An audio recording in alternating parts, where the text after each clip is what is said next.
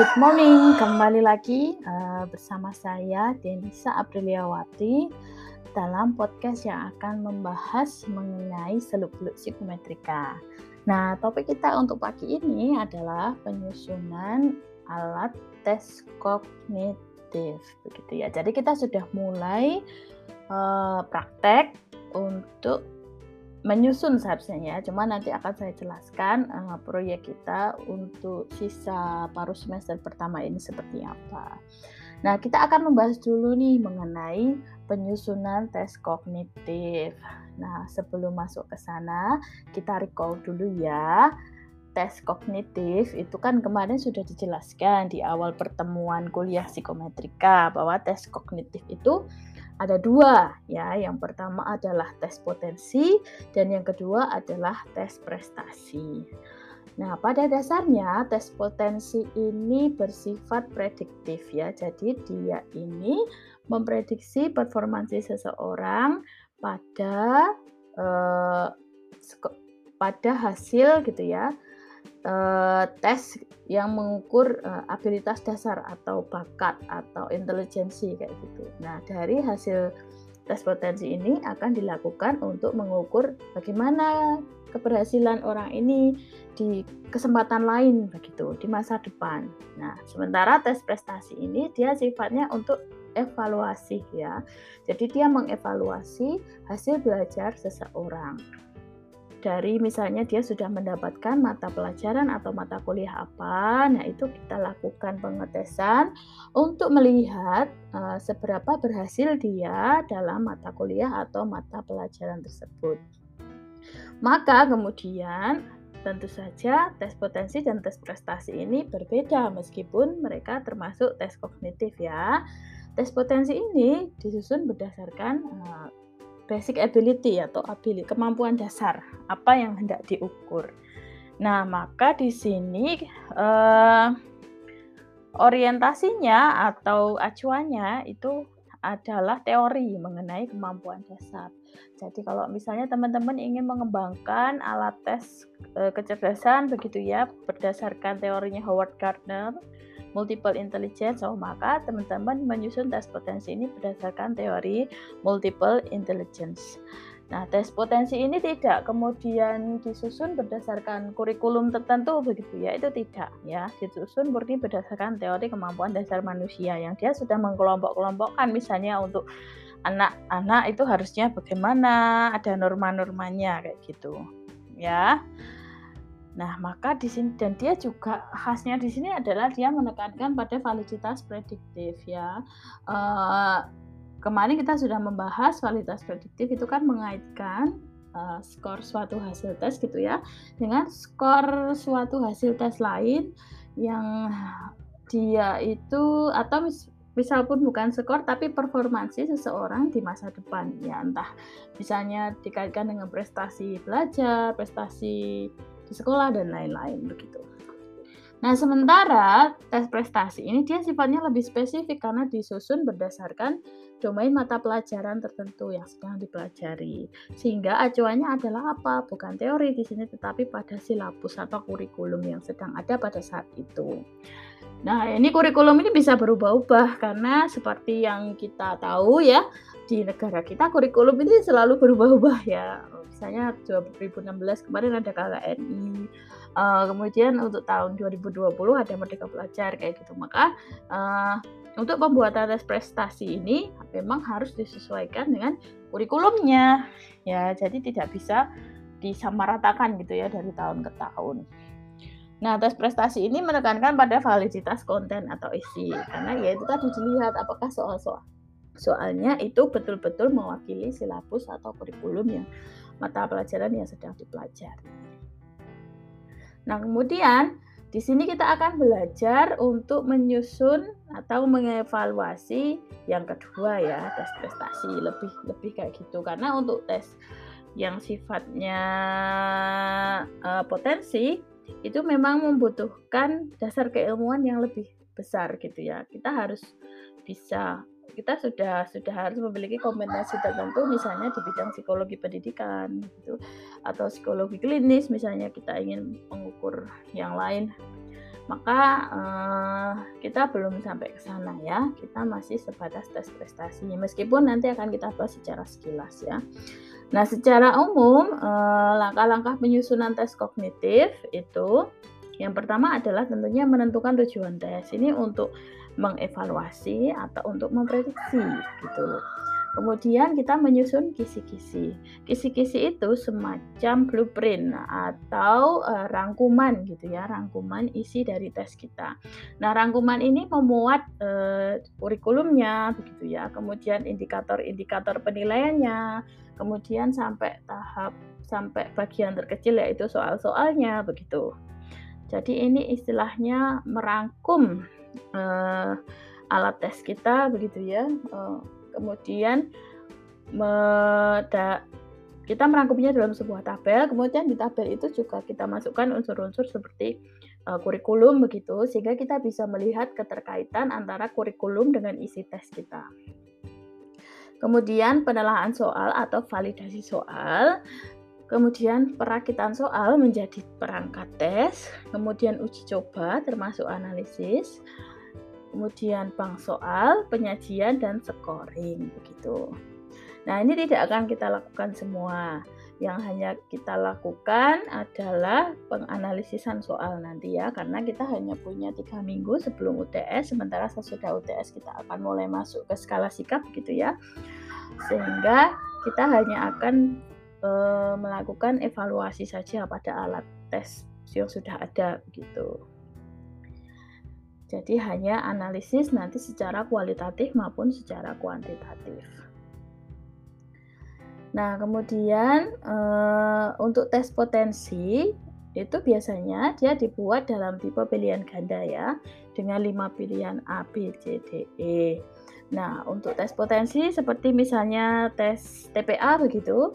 Nah, itu kan teman-teman uh, sudah pernah ya mesti pas tes masuk UIN gitu kan pasti di situ kan hanya ada satu jawaban yang terbaik atau yang paling benar ya. Sehingga di sini kita bisa menggolongkan uh, jawabannya itu sebagai jawaban dikotomis. Jadi ada nilai benar dan salah. Kalau benar biasanya mendapatkan skor tertentu kalau salah biasanya tidak mendapatkan skor. Tapi ada juga yang formatnya seperti soal uh, ujian masuk perguruan tinggi dulu zaman saya ya, saya kurang update kalau zaman teman-teman. Jadi misalnya benar mendapatkan skor 4, salah mendapatkan skor min 1, tidak dijawab tidak mendapatkan skor. Nah, itu juga ada.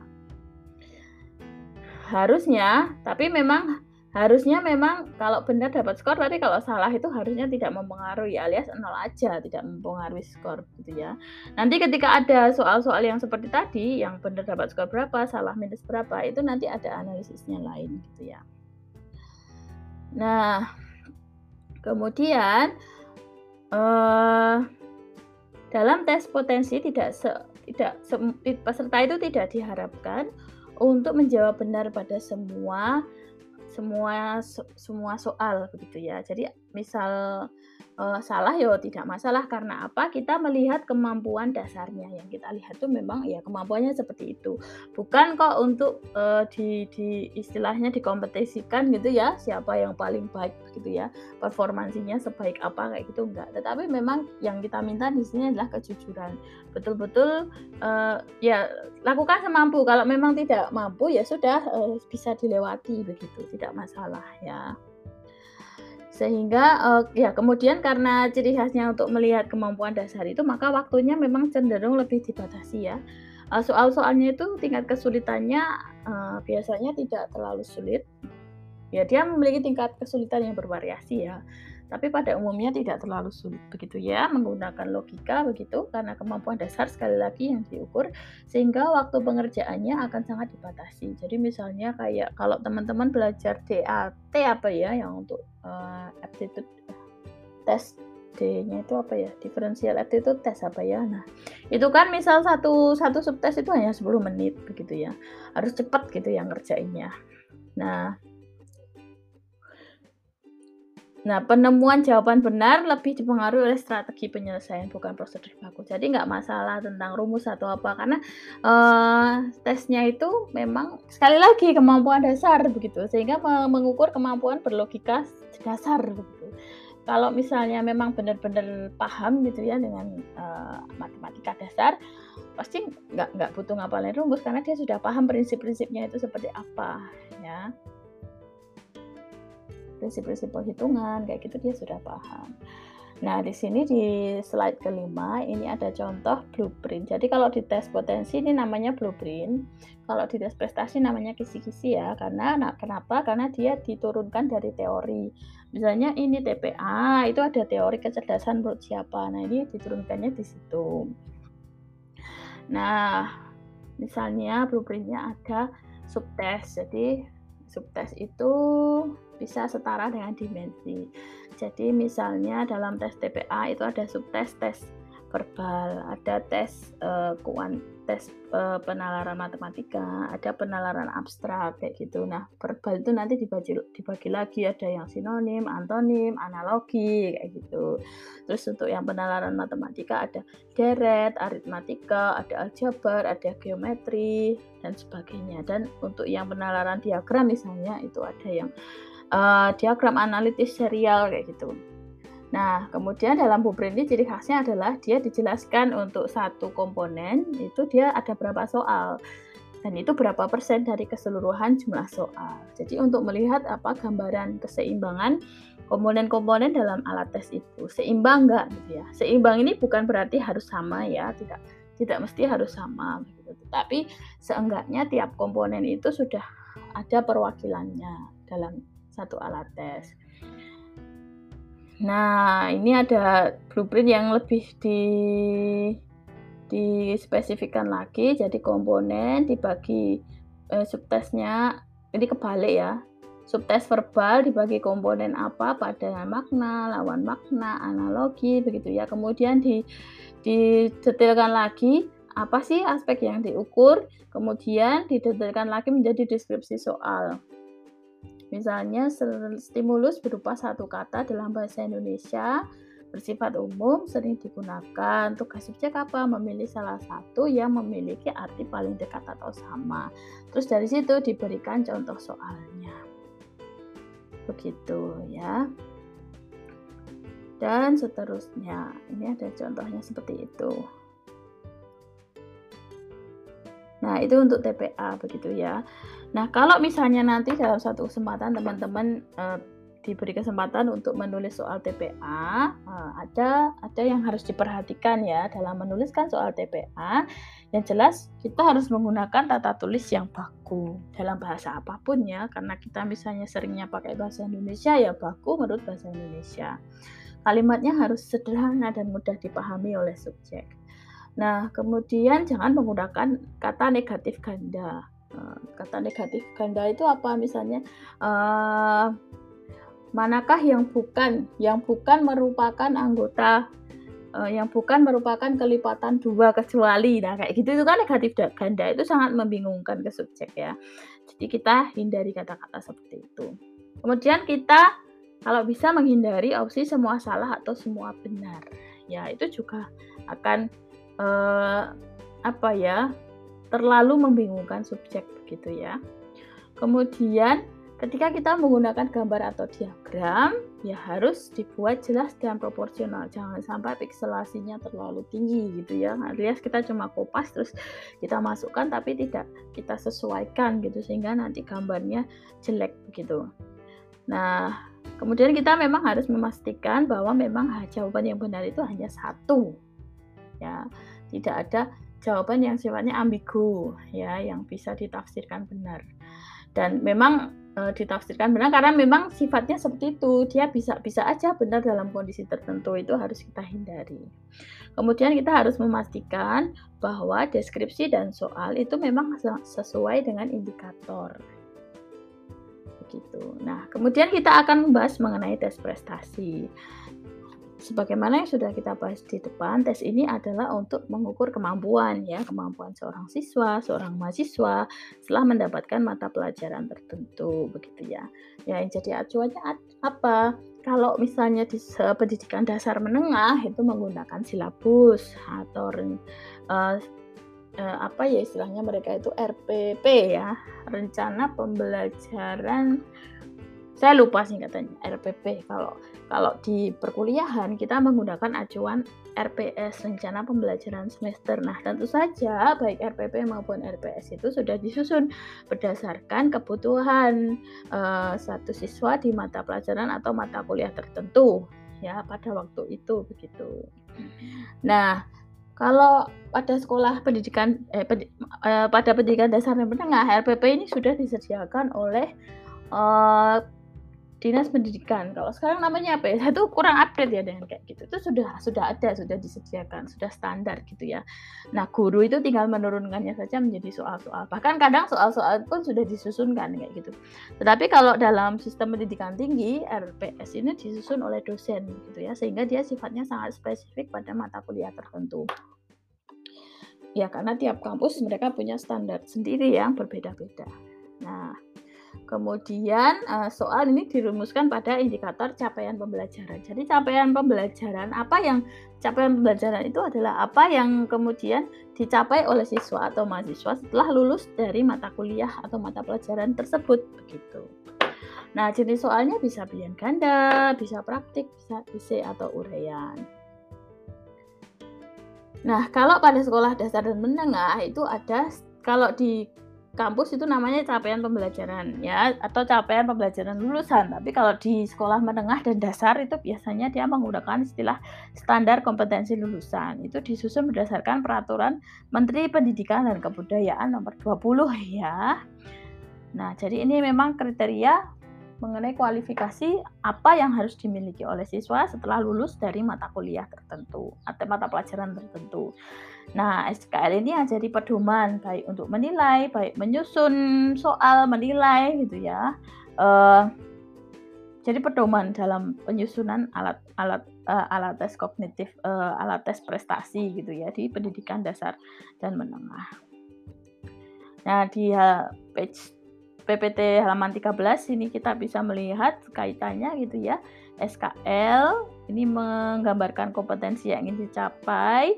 Nah, materi pembelajaran memang disusun untuk mempelajar, mem, mencapai gitu ya kompetensi yang kemudian dijelaskan oleh SKL tadi. Harus benar-benar disusun berdasar itu.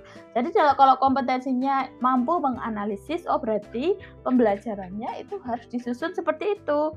Untuk melatih kemampuan analisis gitu ya, bukan sekedar hafalan misalnya, bukan sekedar uh, uh, apa pertanyaan yang sederhana ya tidak benar salah kayak gitu enggak, tapi harus mampu untuk mencapai kompetensi bukan sekedar misalnya apa yang dimaksud dengan ini begitu. Tapi itu sudah ada di textbook gitu ya tapi tidak menganalisis. Nah sehingga untuk bentuk soal ini harus disesuaikan dengan tadi materi dan kompetensi tadi ya. Jadi kalau kompetensinya analisis maka bentuk soal yang paling tepat apa? Apakah pilihan ganda apakah essay gitu kan? Apakah praktek? Nah itu harus sesuai. Oke. Nah kemudian eh, setelah kita mengetahui tujuan pembuatan soal, kita mulai mengembangkan kisi-kisi ya. Nah, kisi-kisi sekali lagi berfungsi sebagai pedoman penulisan soal dan pedoman perakitan soal. Jadi, kita menulis membuat soal untuk teman-teman UTS, UAS itu tidak sembarangan. Itu memang berdasarkan dari kisi-kisi. Yang kisi-kisi itu didasarkan pada rencana pembelajaran semester gitu ya. Soal-soal itu harus memuat eh, materi-materi apa yang ada dalam pembelajaran satu semester itu, kompetensi apa yang harus dicapai oleh siswa di dalam kelas. Nah, itu. Nah, Kisi-kisi punya syarat. Syaratnya apa? Kisi-kisi harus mewakili kurikulum. Jadi eh, kisi-kisi misalnya untuk membuat UAS kalian nanti itu harus mewakili isi kurikulum. Kurikulum ini apa? Kurikulum misalnya teman-teman masih masuk kurikulum KKNI. KKN itu apa? Oh ada capaian pembelajaran A, B, C, D. Oh maka nanti soal-soal itu harus juga mengacu pada hal tersebut. Kemudian singkat dan jelas karena semuanya akan diringkas dalam bentuk tabel. Yang kalau bisa tabel itu muat dalam satu halaman ya. Kalau terlalu bertele-tele kan nanti malah pusing ya baca tabel yang uh, bertele-tele gitu ya isinya penuh gitu kan pusing. Kemudian soal dapat disusun dengan sesuai dengan bentuknya. Jadi nanti direncanakan mau soal bentuknya apa, misalnya pilihan ganda, essay, dan itu harus disesuaikan dengan tujuan uh, pengetesan juga. Nah, komponennya ada identitas, ada standar kelulusan, atau istilahnya bisa bermacam-macam. Eh, standar kelulusan, kompetensi dasar, indikator penilaian, kayak gitu. Terus materinya mengenai apa yang akan diujikan, kemudian indikator soalnya apa, misalnya mampu, misalnya menganalisis reliabilitas suatu alat ukur psikologi misalnya kayak gitu. Itu indikator soalnya. Oh, berarti bentuk tesnya apa ya? Oh, kalau mampu menganalisis berarti bentuk tesnya misalnya praktek analisis. Oh, berarti bentuk tesnya misalnya menganalisis praktek menganalisis output SPSS misalnya kayak gitu. Terus kemudian, nah itu tesnya di nomor soal berapa aja. Nah, Nah, di sini ada contoh bentuk kisi-kisi tabelnya seperti ini. Bisa teman-teman lihat di slide 16 ya.